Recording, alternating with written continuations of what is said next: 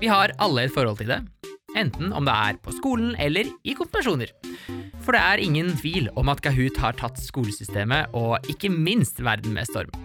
Bak suksessen sitter en jordnær foreleser fra NTNU som nå fortsetter sitt arbeid med å få spill og lek inn i hverdagene våre. Hva var de største suksessfaktorene til Kahoot? Hva er gamification? Og kommer livene våre til slutt til å bli et stort spill? Dette og mye mer tar vi for oss i dagens episode av Startskuddet.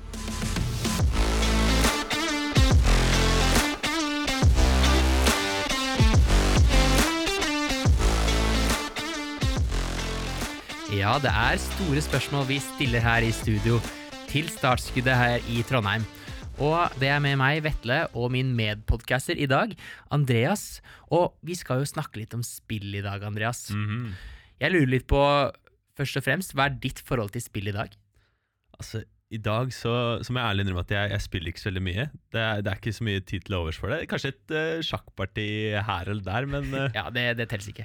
men, men jeg husker når jeg, når jeg gikk på barneskolen og, og senere ungdomsskolen, å sitte på skolebenken mot slutten av dagen og trippe og glede seg og løpe hjem fordi jeg skulle spille den ene timen som jeg hadde fått av foreldrene mine i The Sims eller hva enn det var. et eller annet Ah, jeg får strategispill. gåsehud. Hva, hva med deg, Vetle? Nei, jeg, jeg kjenner meg veldig igjen i den. Uh, er jo ikke sånn nå lenger. Kanskje vi skal begynne med det? Kanskje vi skal sitte her på Gløshaugen og tenke ah, nå skal jeg hjem og spille Habbo eller Club Penguin. Eh, det var tider. Det Men var tider. noe jeg har skjønt da i det siste, det er jo at spill får jo faktisk en større og større del i hverdagen vår, enten om vi legger merke til det eller ikke. Ja, for Én ting er de konkrete spillene, men vi finner jo elementer rundt oss overalt. Ja. Eh, og dette er veldig morsomt når vi begynner å tenke over det, og noe vi skal dykke dypere inn i dagens podkast. For i dag, dere, så har vi fått svært celebert besøk. Han er en kjent mann for de fleste studentene på NTNU, som foreleser i faget ITGK, introduksjon til eh, Python-programmering. Eh, Noe som var mitt favorittfag i første klasse, og det har jo, um, var jo mye takket være dagens gjest, nemlig oppfinner og medgründer av vår alles Kahoot, Alf Inge Wang. Velkommen til studio. Tusen takk for det. Ja, eh, og før du slipper litt, så skal vi få lov til å skryte litt av deg, Alf Inge. Eh, For som vi alle vet, så er jo ikke det alltid slik at hver gründerhistorie starter med en braksuksess, sånn som Kahoot faktisk er. Eh, Vi er jo litt kjent med noen av dine tidligere prosjekter, Alf. Blant annet så var du med på Playpause, som er et treningsbasert eh, spill, hvor du da sykler på sykkelen mens du styrer noe PlayStation-aktig, da. Hvor du fysisk trener, mens får inputet i en game-struktur, da. Og så har du også lagd noe som heter BitPet, som er en slags blanding av Pokémon Go og Nintendo Dogs, hvis jeg forstår det riktig. Nintendogs Andreas. Ja, beklager. Eh, Det er, er, jeg er litt med på Tamaguchi-generasjonen, for å si det sånn. Har du lyst til å fortelle litt sånn du, du tar den, det er bra. Har du lyst til å fortelle litt, eh, litt kjapt om, om den bakgrunnen eh, der, Alf Inge? Som før Kahoot? Ja, uh, nå er ut kanskje uh, det prosjektet som er mest sånn Som starta litt uh, den i hvert fall kommersialiseringsbiten for meg. Men jeg har alltid vært interessert i spill og innovasjon og teknologi. så det er egentlig fra jeg var liten. Og alltid vært interessert og testa ut ting, så det er kanskje litt utgangspunktet mitt. Det som egentlig starta for alvor sånn jobbmessig, denne reisa her, det var egentlig det at rektoren på NTNU ønska å satse på spillteknologi, både innen forskning og utdanning. Og så spurte han meg, eh, ettersom jeg hadde nevnt for eh, instituttlederen på eh, instituttet på et julebord at jeg drev på med sånne spillprosjekter på si. Så det, det var egentlig da det starta. Jeg fikk lov til å jobbe med, med spill. da. Og da tenkte jeg oi, nå her er masse ting som går an å teste ut. Så da det var egentlig litt som starten, da. Ja, for Det er en ganske annerledes uh, gründerreise enn en mange andre. Så, så der så starta det rent bare hobbymessig. Du var eh, akademisk professor, og, og så ble det her realisert gjennom, eh, gjennom det yrket. da. Ja, når eh, som sagt, jeg fikk lov til å jobbe med spillteknologi på NTNU, eh, så fikk jeg masse ideer. Det er litt sånn, Jeg er litt sånn person, så jeg er ganske kreativ. Eh, og da tenkte jeg oi, nå, nå må jeg bare få utnytte sjansen her. Så jeg kom opp med en god del ideer som endte opp som masterprosjekt. Og to av de ideene var faktisk eh, ting som førte til Kahoot. Så det ene ideen, det var det å sånn, til en sånn multiplayer eh, eh, på en måte spillarena. Du så rett og slett for deg eh, en hel kinosal spille Kahoot? Det var ikke Kahoot, egentlig. Eh, for, for, eh, akkurat det prosjektet her så var det et Arkadespill som var poenget. Så at du, du brukte hele store på lerretet eh, og prosjektøren på, på, kinoen sammen med lydanlegget og sånn. Og så kunne alle sammen være med og spille på mobilen. Og det her var før smarttelefon. da. Så alle, du, du på en måte styrte en karakter på det svære kinolerretet. Så alle hadde sin egen karakter, og de spilte mot hverandre. Så det var det ene prosjektet. Og det andre det var et prosjekt som het Lecture Quiz, der vi egentlig skulle gjøre om klasserommet til et um, uh, til et gameshow. Og det var egentlig konseptet for Kahoot. da. Eh, så de prosjektene eh, jobba egentlig samtidig. Og så er det ganske, ganske mange år etterpå de faktisk smelta sammen til Kahoot. Så det, det var... Når var disse prosjektene? De var, det var i 2006 eh, var det vi starta med de prosjektene. Og så ble det utvikla over flere år så ble det utvikla flere versjoner av både den Mooses, eller den der kinoprosjektet, og Lecture Quiz, som var det der uh, som ligna mest på Kahoot. Ikke kanskje på en måte uh, backend og den biten der, men mer liksom konseptet, da. Så det hadde vært vel fire um, masterprosjekter etter hverandre på det Lecture Quiz, f.eks. Så det ble fra 2006 til 2011 så jobba vi med nye iterasjoner av prototyper. Så. så vil du si at det var først i 2011 at du så noe som faktisk ligner på dagens Kahoot? Ja, eller egentlig så tror jeg at den, den første versjonen i 2006-2007, eh, eh, den prototypen, når eh, vi prøvde i klasserommet, så så, så at wow, det her det ga liksom energi. Vi, vi, kjørte en undersøkelse her på en av fagene mine, og så så at det, det skjedde noe her. og Det var jo litt sånn hackete prototype. Alt funker ikke helt som det skulle, men vi så at her er et potensial. Og Samtidig så, så vi også den der eh, begeistringa i kinosalen. Vi prøvde den på Nova kino i Trondheim, og, så, og det her var dritgøy. Så vi, vi på en måte merka at her er det et eller annet da, allerede da. Men de blir mer lik sånn som det er i dag, etter hvert. da. Mm. Men det er jo lang vei fra en prototype til å bli en verdenssuksess, som jeg vil kalle Kahoot. Eh, hva vil du si ja. er de største suksessfaktorene eh, med Kahoot? Ja, det, det skjedde ganske mye. Det er én ting vi, vi, prøvde å kommersialisere lecture quiz-biten uh, um, sjøl, egentlig ut fra NTNU. Suksessen for oss, eller da det virkelig begynte å ta av på en skikkelig sånn god måte, også kommersielt, uh, var da vi For det, det kinoprosjektet hadde egentlig jobba uh, litt sånn, har gått litt sånn for egen maskin. og så, uh, Men i 2012 så bestemte vi for å forene de prosjektene. Så få inn et uh, firma som heter Very Human, med Johan Brandt bl.a. og flere, uh, som uh, jobber fra London, som hadde mye mer forståelse på det med uh, bruker... altså det her skulle være veldig brukervennlig, og hadde mer forståelse på å gjøre det til et produkt. For vi var en bunch av ingeniører som var egentlig veldig bra på teknologi, men kanskje ikke hadde Vi mangla en del kompetanse, rett og slett. Så det var en av de tingene som gjorde at faktisk at det her gikk, det er at vi fikk inn nye folk som hadde nye perspektiver, og så hadde kontakta og jobba med sånne type prosjekter før, eh, som åpna mye dører for at det her faktisk kunne bli noe mer enn bare en teknisk prototype fra et universitet. Ja, rett og slett et mangfoldig team, da. Yes, og det er veldig viktig. Og du, du kan ikke bare ha ingeniører. Men det virker som av og til når jeg ser innovasjonsprosjekter, så er det motsatt, for du har masse sånn som er har en idé, og som ikke kan utvikle den. Og det er også et stort problem. Så ja, du må ha begge deler.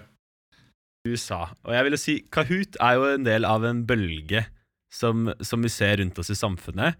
Eh, noe mm. som eh, altså, Også kalt gamification i noen miljøer. Det er én fase av det.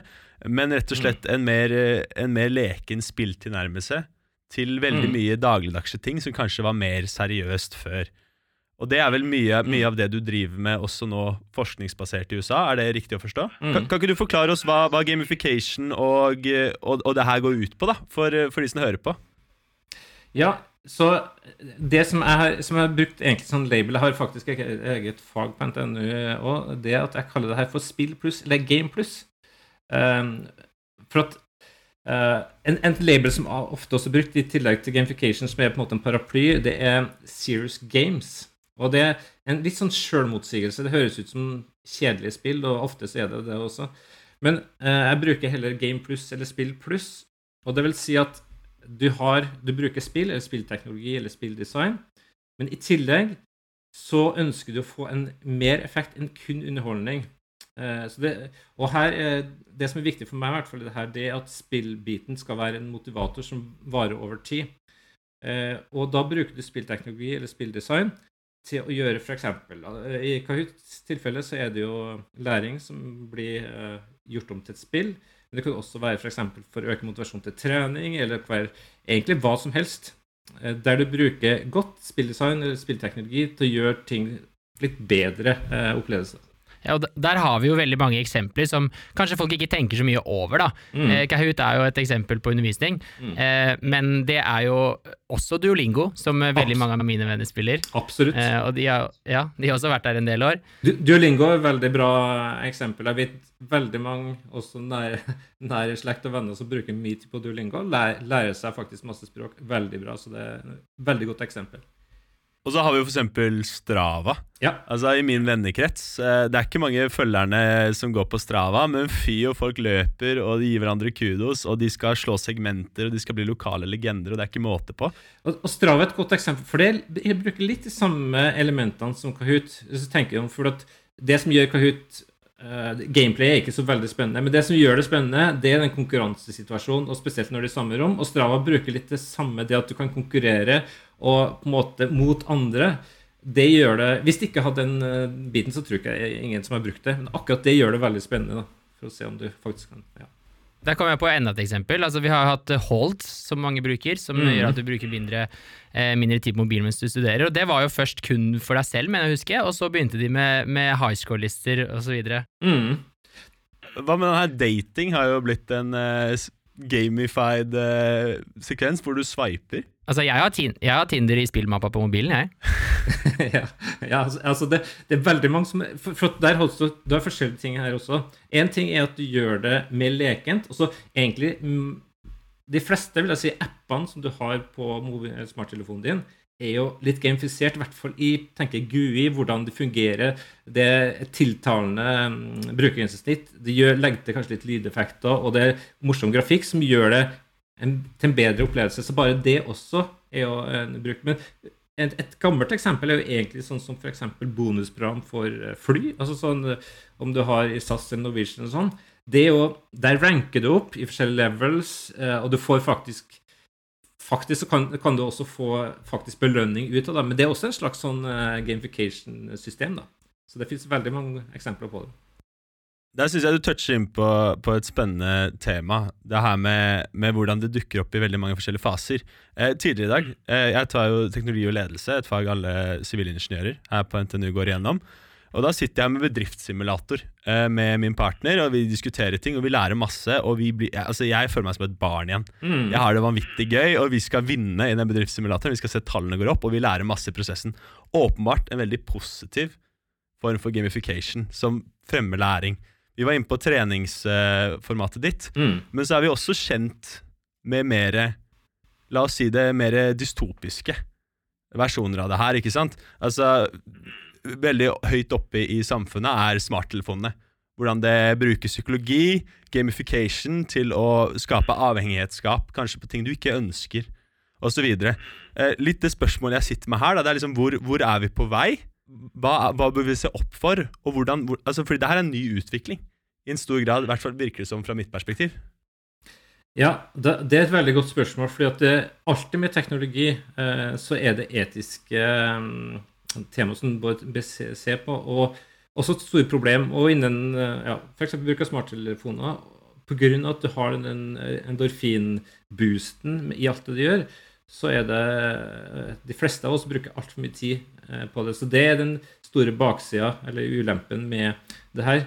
Så et, et skrekkeksempel er også sånn som i Kina, der du har på en måte en gamification av oppførselen din, som gjør at hvis du får dårlig rating, så får du f.eks. ikke flybilletter, du får ikke reist utenlands. Det har gjort det ting som egentlig var eh, som har vært sånne eh, episoder i, i, TV-show, husker ikke jeg vet, på Netflix, der, eh, der de viste på en måte et eksempel på bad uh, gamification som faktisk Kina har implementert. Eh, og så er det litt skummelt også tenker jeg, det med at alt kan monitoreres, alt kan uh, altså bruke sensor på alt. Så du kan også bruke all den informasjonen om å genfisere det til å gjøre nesten folk til slaver. Altså det, er, det er virkelig dark side her også. Eh, jeg, jeg velger å fokusere på det som kan gjøre eh, verden til et bedre sted, men det fins også store muligheter. Man må være obs på den andre biten også.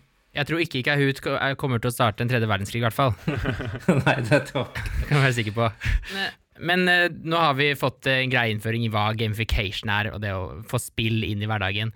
Mm. Men i dag, Alf Inge, så befinner du deg jo ikke i Norge. Etter en lang karriere på NTNU. Mm. Uh, du har vel vært på NTNU i 20 år?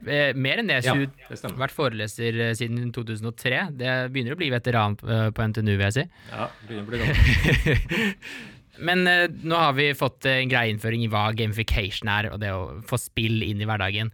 Um, Ja. Hva, er du, hva er det du driver med der borte over, over dammen? Ja, så uh, En veldig fin ordning som vi har eh, på NTNU og også andre universiteter, det er at vi kan ta sånn forskningstermin, eh, eller forskningsopphold.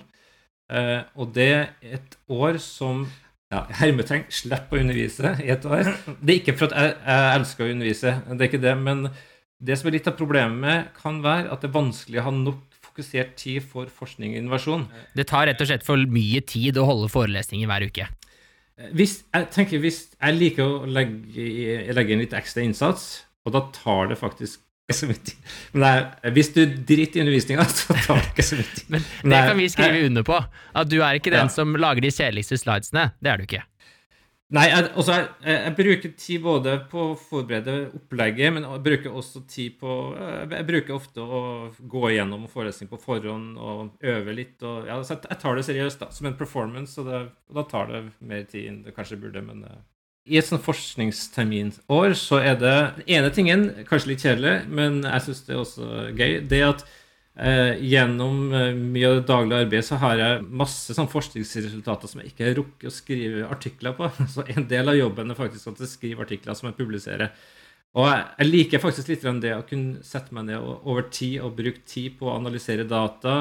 Og det, det er nesten som et spill også. Eh, fordi at eh, hvis jeg har masse data, kjører gjennom eh, regneark og analyser og sånn, så er jeg veldig sånn åh, hva om det her er effekten av det? Altså, åh, det, ja, ok, det var ikke akkurat det, men så finner jeg ut oi, det var noe annet som faktisk eh, skjedde i det eksperimentet. Og det, det, jeg syns det er ganske spennende å analysere data og, og finne på en måte resultater. Og så hvis vi finner eh, ja, eh, resultater som kan være interessante Vi har ikke fått publisert på, så det er én viktig bit.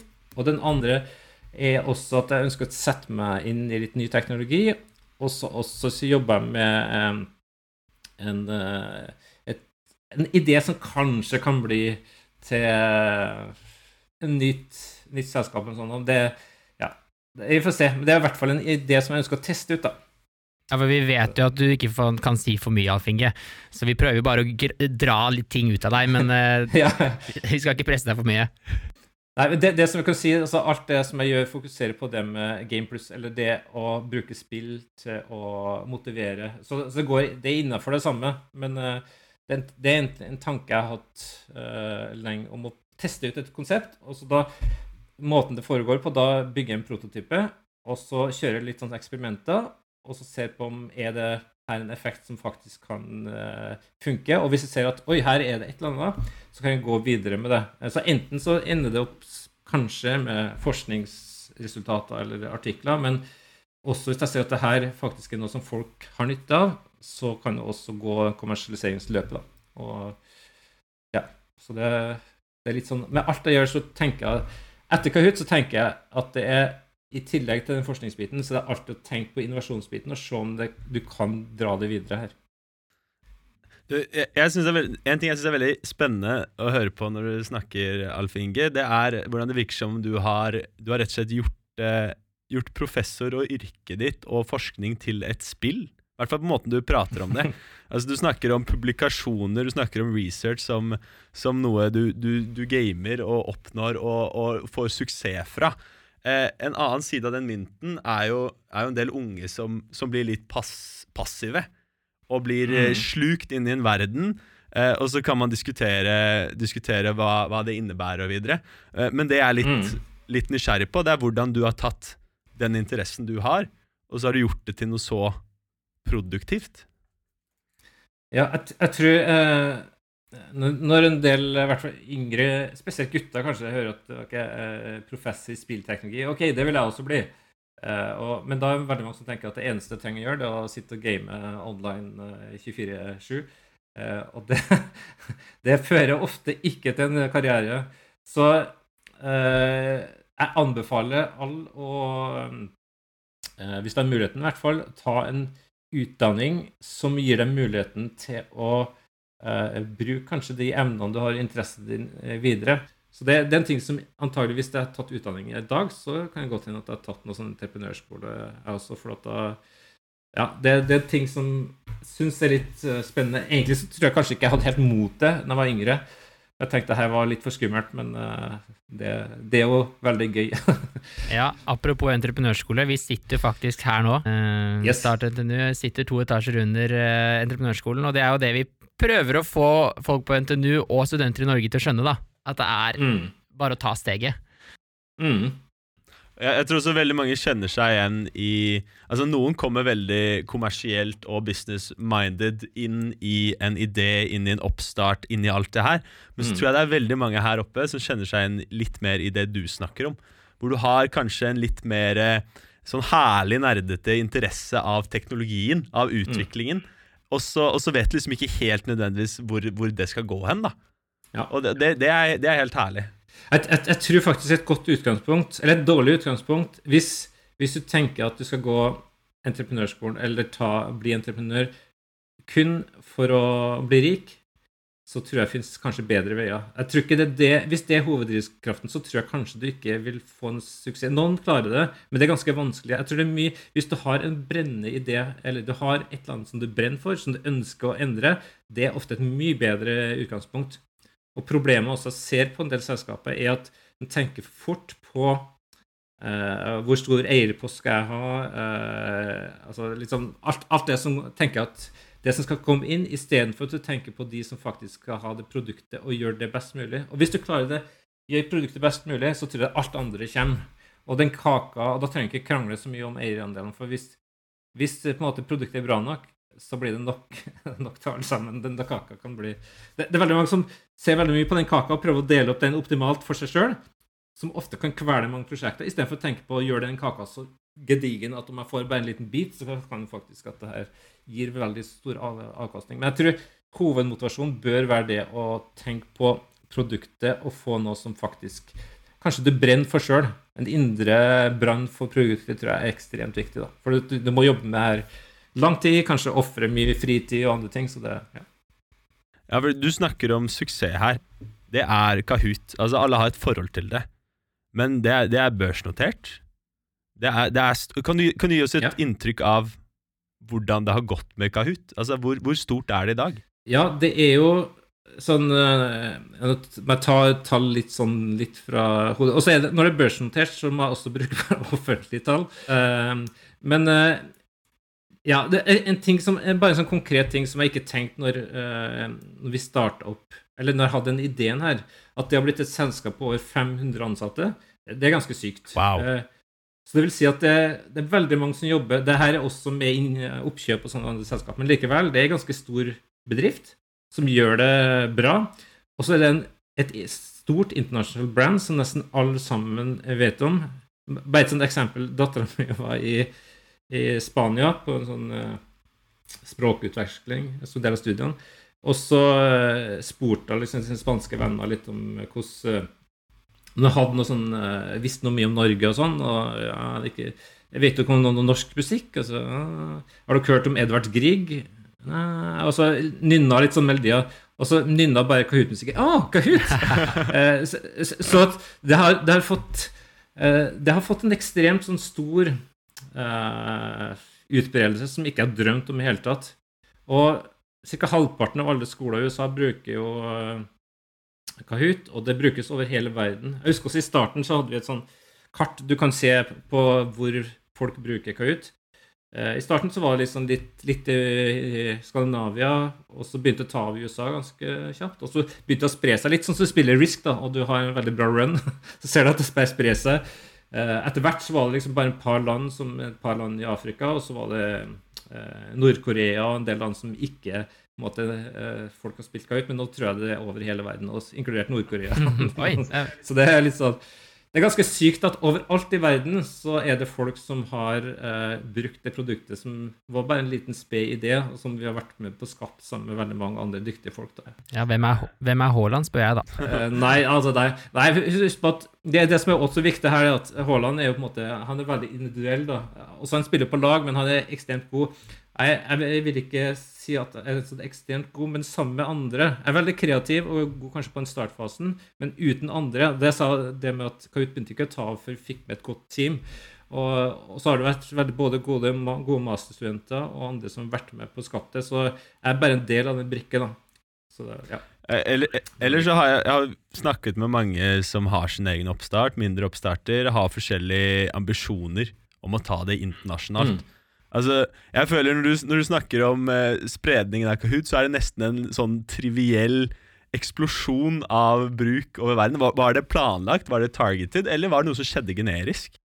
Ja, det var ikke helt planlagt. Uh, det som var planen, sånn som ofte mange startups, så tenker jeg at vi skulle starte i Norge og kanskje Skandinavia, for det var enklest på en måte sånn uh, i starten. Um, og så vi visste jo at Eh, at det her fungerte i klasserommet. Så jeg, jeg, tror vi visste at vi satt på noe bra. Eh, det, ja, det visste vi. Men, eh, men, ikke på en måte hvor bra, om, om, andre ville ta det i bruk. Og Det som var et veldig stort fokus i starten, det var at det var veldig tilgjengelig. Det var greit at alt var på web, så du kunne spille med hva som helst. Og så at det var veldig enkelt å bruke, og spesielt for lærere. Og en veldig viktig bit som kom inn med Very Humans og det andre selskapet som joina, eller som da ble etablert i 2012, de fokuserte på lag, det å lage innhold enkelt. Det var ekstremt viktig. Så hvis lærerne kunne lage innhold, ut, en plattform uten innhold er ikke verdt noe som helst. Så det var en viktig kriterium. Men etter hvert så var det noen, i, noen lærere i USA som var sånn, interessert i læringsteknologi, som plukka det opp. Det er mulig at vi også tok kontakt med dem. Eh, som Oi, det her var kult. Og så um, begynte de egentlig bare å spre det på ja, forskjellige kanaler. Sosiale uh, Ja, det kunne både vært Twitter og på Facebook og alt mulig rart. Og, og det egentlig, vi fikk en organisk vekst basert på det. Um, og det ble også et problem, for plutselig så fikk vi masse brukere i USA. Og vi var jo basert i Norge, og da måtte vi sørge for at systemet var oppe og kjørt eh, når de var våkne i USA. Så vi måtte ha, kjøre nattevakter. Vi var, ikke, vi var et lite team på en sju eh, ja, stykker. Så det, det var også en utfordring. Og så husker jeg Åsmund eh, Furuseth, som er produktsjef i Kahoot nå, som har vært med nesten fra starten. Han husker jeg sa på et tidspunkt at neste år så kommer vi til å ha én million brukere. Litt sånn, sånn uh, eh, Dr. Evil i Austin Powers. Men sånn uh, Det er han ikke. men så, vi, tenk, vi, tenkte at det her uh, det her kommer ikke til å skje. Det har gått ett år, og da hadde vi nådd den millionen. da. Etter det så gikk det ganske kjapt. Og brukerveksten i Kahoot er nesten like kjapp som på Facebook. Kjappere enn Twitter og TikTok. Så det, det, det, er ganske unikt. Jeg tror ingen andre norske selskaper har hatt en sånn brukervekst. Og så må vi legge til at dere får ikke masse bots som brukere, så dere har ikke den fordelen heller. Nei, ja, det, det, gir ikke så mye mening. Selv om det er en del som elsker på en måte å bruke bots bare for å ødelegge for andre. Men eh, det, det var bare en liten, morsom historie, fordi at uh, vi hadde en som hadde laga en sånn uh, bot egentlig for å ødelegge for Kahoot. Og som Fritids? Ja, som hadde brukt mye tid på det. Og han solgte det faktisk til um, Så det var en app, eller var, Han tok i hvert fall penger for eh, noe som på en måte skulle ødelegge for Kahoot. Det er vel en som har shorta dere, da, sikkert? Ja, jeg, jeg vet ikke helt hva som er motivasjonen, men i hvert fall eh, han tjente penger på det. Og så, det før, Vi var jo litt lei av det, og vi visste jo om det her. Man klaga på at plutselig så var det noen som crasha spillet, eller sånn, kom inn med masse spillere og ødela. Eh, og lærerne var ikke spesielt uh, begeistra for det. Og så endra vi API-en og endra sånn at det der ikke funka. da. Og han fyren ble dritsint, fordi at da var hele businessmodellen sånn ødelagt. Og han sa at han skulle saksøke oss. fordi at han hadde et verksted som ødela for Kahoot. Ja, Men det må du jo skjønne, da. Du kan jo ikke ødelegge businessen hans. Ja, eh, altså, det endte opp med at etter at eh, vi hadde litt sånn eh, Fortalt ham litt grann, eh, hvordan det her henger sammen, og med litt sånn advokater, sånn, så ble det stilt, da. Men, den, eh, men det var litt interessant, da, for, for han på en måte hadde laga noe som egentlig ødela for vårt produkt, og så skulle han saksøke oss fordi at han ikke fikk lov til det. Så ja, en syk verden. Men Alf Inge, vi kan jo ikke ha en podkast med Kahoot uten å ha en Kahoot, tenker nå jeg, da. Så, så jeg tenker at eh, vi skal gi deg noen, noen korte spørsmål som leder oss eh, inn i siste del eh, av podkasten. Ja. disse spørsmålene har du ikke hørt, men eh, du, skal, du skal nok klare å svare relativt kjapt på dem. Uh, Andreas, skal ikke vi få på litt uh, Kahoot-musikk her nå? Eh, det, dette må jo sies før vi setter i gang, at eh, hører dere all, all musikken på Kahoot tenker det her var en banger, og så hører dere at det kommer litt sånne remixer når det er sesong osv., det er Alf Inge som har lagd. Det kunne vi snakket en hel episode om, faktisk, men Alf Inge er rett og slett en musiker som har lagd den musikken dere hører nå. Jeg, jeg må faktisk eh, skyte inn der òg at det ligger jo på YouTube ute en versjon av Kahoot-sangen som går i ti timer, som har 18 millioner avspillinger. Ja. ja, det er helt eh, jeg, jeg, jeg forstår ikke helt hva som er 19, men det Ja. Fortsett, Vetle. Greit, takk for den avsporingen. Der ja, der ja. Perfekt. Vi setter i gang. Greit, Alf Inge. Uh, ok, første spørsmål. Hvilken slash hvilke industrier tror du har størst potensial av å ta i bruk gamification i årene framover? Vi har ikke noe, det er et åpent spørsmål, så er ikke noe alternativ. Vi har kategorier, de, kom, de legger jeg på. Ja, ok. Ehm, jeg, nå, nå som jeg ser nå eh, Det er litt farga av hva jeg jobber med sjøl også, her, da. men jeg tror eh, mixed reality eh, har et stort potensial som er utappa enda. Eh, vi så jo at Meta nå har uh, MetaQuest 3 har kommet, og en del smart glasses. Så jeg, jeg tror der, når de løser litt det tekniske og gjør det mindre At det, det er mer sømløst, det at du kan integrere ekstern eller virtuell og virkelig verden, så er det et kjempestort potensial. Jeg tror ikke vi har sett det potensialet enda. Så det er en ting jeg har trua på. Det er litt farga av at jeg jobber med det sjøl også, men jeg, jeg tror sånn teknologisk at vi er der veldig, veldig snart. eh, og som vil åpne for en helt ny verden som vi ikke har sett før. Det var en veldig stor, eh, et veldig stort svaralternativ, det der. Ja. Neste spørsmål. Ja, det er bare 20 tegn. Nei, 32 tegn. Ja. Sett bort eh, fra Kahoot. Hva er favorittapplikasjonen din som benytter gamification i dag? Um, en, en ting som jeg bruker jevnt Det er egentlig et eh, Jeg bare bruker en enkelt sånn eh, Jeg husker ikke navnet på men det er en enkelt sånn eh, styrketreningsapp som jeg bruker, som er Uh, er, Det er kanskje ikke beste eksempel, men det er noe jeg bruker jevnt. eh, Som er veldig enkel, enkel motivasjon for at jeg skal gjøre litt styrketrening. Og du får litt sånn, sånn streaks og sånn, men det funker. Så det, Ja, husker du hva det heter, for å gi en shout-out til dem og tips til lytterne? Det heter bare Seven, for det er liksom sju øvelser som tar veldig kort tid, som gjør at jeg har eh, Ja, jeg har mulighet til å Yes. Greit. Ok, eh, siste spørsmål, uh, Alf Inge, og dette er, et, dette er et langsvarsspørsmål, så da kan vi sette på den eh, remixen som går litt roligere. ja. Det er bra. Det er det altså, for det sitter jo kanskje noen studenter der hjemme og hører på og tenker wow. Altså, eh, spill og gjøre, og gjøre verden litt morsommere er jo det jeg vil jobbe med. Så da eh, lurer jeg på hvilke muligheter innenfor innovasjon, når du tenker på spill, er det du ser som, som mest attraktive framover? Mm. Um, jeg tror Her tror jeg faktisk at det fins mange, mange muligheter som ikke som, Så vi har sett bare litt sånn scratcha litt i overflata ennå. Ehm, og jeg tror det finnes nye på en måte anvendelsesområder der mye av det som er gjort nå, er litt sånn ehm, veldig sånn eh, overfladisk eh, gamification med bare sånn high score-lister og sånn.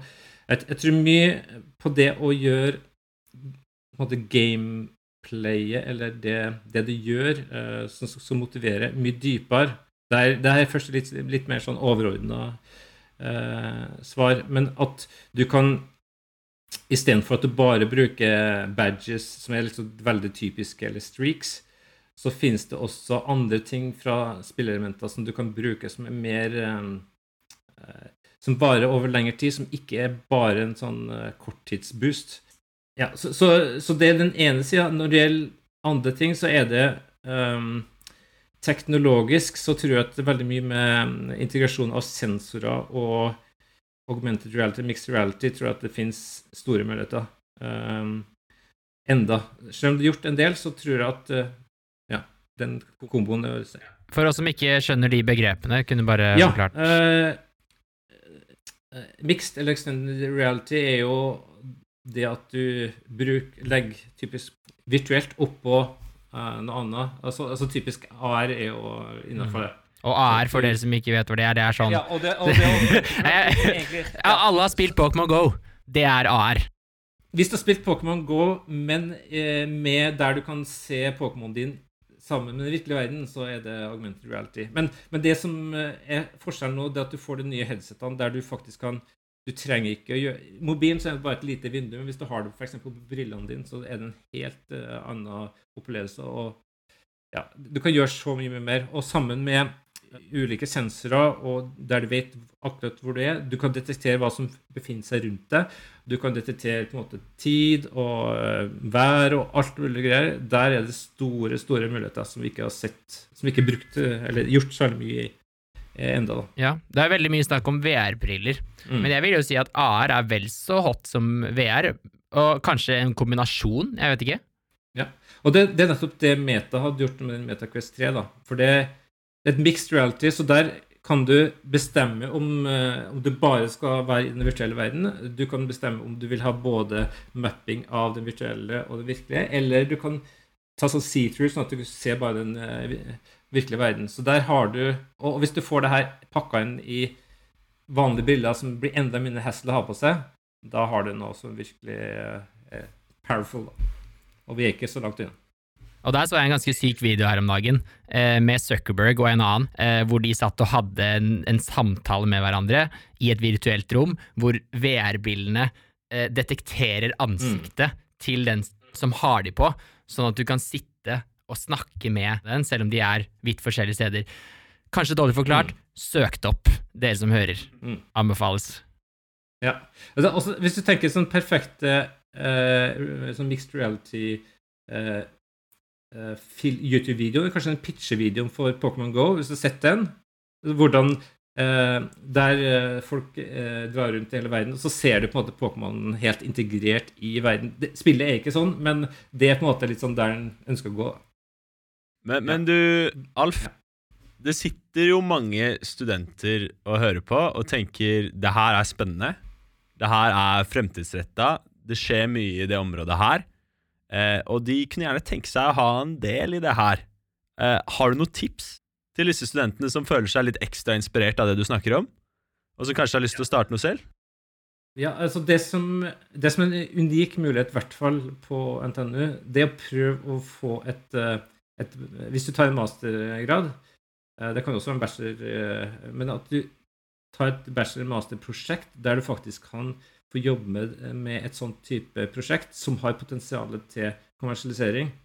Eh, og det fins jeg tror flere, også professorer og andre på NTNU, som er interessert i, i kommersialisering og innovasjon. Da. Så det, og den, hvis du gjør det gjennom et masterprosjekt eller bachelorprosjekt, så er det egentlig riskfri. Eh, den fasen, Da kan du få testa et prototype, kan se det her, om det er et bra produkt. Og hvis du ser at det her Oi, det her er jo faktisk stort potensial, så kan du fortsette etterpå. Det finnes mange gode støtteordninger for å ta den eh, teknologien videre. Du har eh, fond som du kan søke for å få penger, Innovasjon Norge, og det er flere som Discovery og flere muligheter for å ta den eh, eh ja, eh, sånn type prototyper videre til som kan at det blir et prosjekt. Så den enkleste veien er nok hvis du får gjort det her gjennom et master- eller bachelorprosjekt. Men det finnes også, du kan gjøre ting på sida med andre også på NTNU. og Det trenger ikke gjøres i måte, skoletida heller. Men eh, gjerne finn flere som har brenn litt for det samme. Det tror jeg nesten er viktig, for hvis du gjør det alene, så blir det kjedelig, og da klarer du ikke å holde ut. Så, ja. Rett og slett, finn deg en venn som har samme passion som deg. Gå og bank på døra til en professor på NTNU, eller andre universiteter, vi er en inkluderende podkast. Det er sikkert veldig mange ordninger i hele Norge hvor enn du studerer. Eller om du ikke er student, så finnes det også muligheter i Innovasjon Norge. Så det er alltid noen der. Og eh, nå skal ikke jeg røpe noe, men jeg, har hørt rykter om at Innovasjon Norge kaster penger eh, om dagen.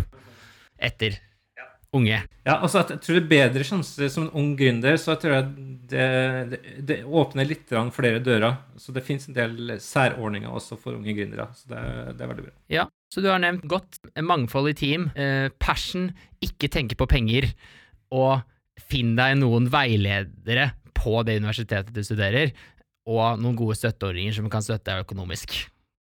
Ja. Det, det, er forresten en ting at du, du, må, du må faktisk tenke på penger, for det er en av de store utfordringene. oh, ja. Eh, for, for, for, å overleve som selskap, men ikke at det er hovedmotivasjon. Um, så du trenger hvis, hvis måte, eh, måten du tenker på penger er først og fremst for å få videreutvikla produktet og få det ut til kunder Jeg tror det er en mye sunnere motivasjon enn at du skal bli fort rik. Det er akkurat den Fort rik den funker som regel ikke, for det tar ofte mye lengre tid også.